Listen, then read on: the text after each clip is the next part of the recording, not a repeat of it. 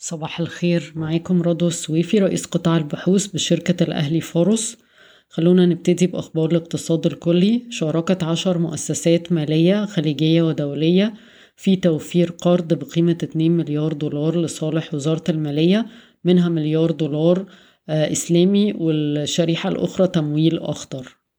وافقت الهيئة العامة للبترول على عرض تمويل بقيمة 500 مليون دولار بضمانة من وزارة المالية بغرض سداد جزء من مستحقات الشركات الأجانب التي يأتي موعد استحقاقها في شهر ديسمبر ويوليو من كل عام. ننتقل لأخبار البنوك. عندنا طبعا نتائج أعمال البنك التجاري الدولي اللي كانت إيجابية جدا. آه، سجل البنك صافي أرباح في الربع الثالث 3.8 من عشرة مليار جنيه. بارتفاع 62% على أساس سنوي وده أعلى من توقعاتنا ب 18% تقريبا وسجل في التسع شهور تسعة وتسعة من عشرة مليار جنيه. آه، طبعا آه، الارتفاع في أرباح البنك كانت على أساس آه، الهوامش كانت قوية هوامش صافي الفايدة السيطرة على النفقات التشغيلية. وكمان السيطرة على المخصصات والمعدل الضريبي آه، كان آه، أقل من الأربع اللي فاتت. وكنا شايفين إن البنك حقق برضو نجاح في زيادة محفظة القروض. توسعت القروض بنسبة 6% في آخر 3 شهور وتوسعت بنسبة 16% من أول السنة.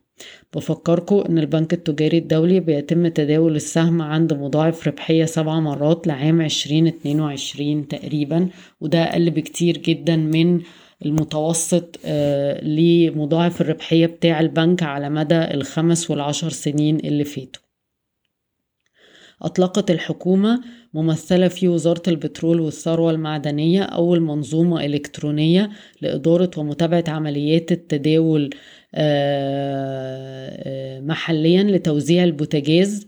آه، وطبعا ده جزء من التحول الرقمي في إدارة ومنظومة البترول بشكل عام واللي بتنفذ المشروع ده هي شركة إي فاينانس لوزارة البترول. صحيفة الشروق نشرت خبر امبارح إن شركة حديد عز تعتزم توقيع آه، عقد صفقة الاستحواذ على حصة أحمد أبو هشيمة البالغة 18% في حديد المصريين وإن الإعلان عن الصفقة هيكون خلال أيام. برضو أضافوا أن البنوك الدائنة لمجموعة شركات عز تواصلت مع الشركة للاستفسار عن تمويل الصفقة آه، خاصة أن آه، الشركة عز للدرفلة انتهت مؤخرا من إعادة هيكلة ستة ونص مليار جنيه ديون مع البنوك.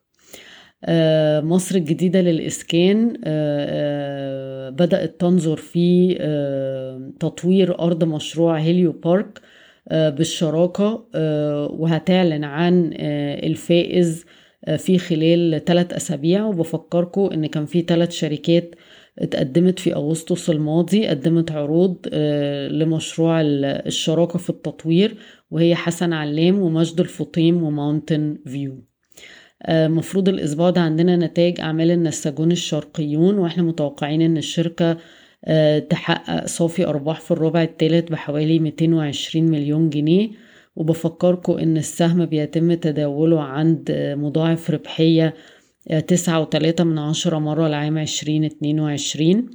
برضو الأسبوع ده في نتائج أعمال جي بي أوتو وإحنا متوقعين إن الشركة تحقق صافي أرباح 325 آه، مليون جنيه آه، في الربع الثالث وبفكركم إن الشركة بيتم تداول السهم عند آه، مضاعف ربحية حوالي 3 مرات لعام 2022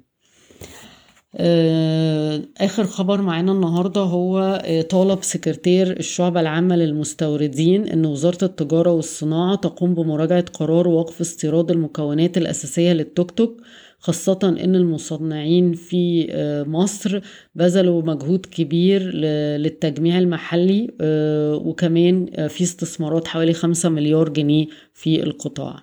بشكركم ويوم سعيد.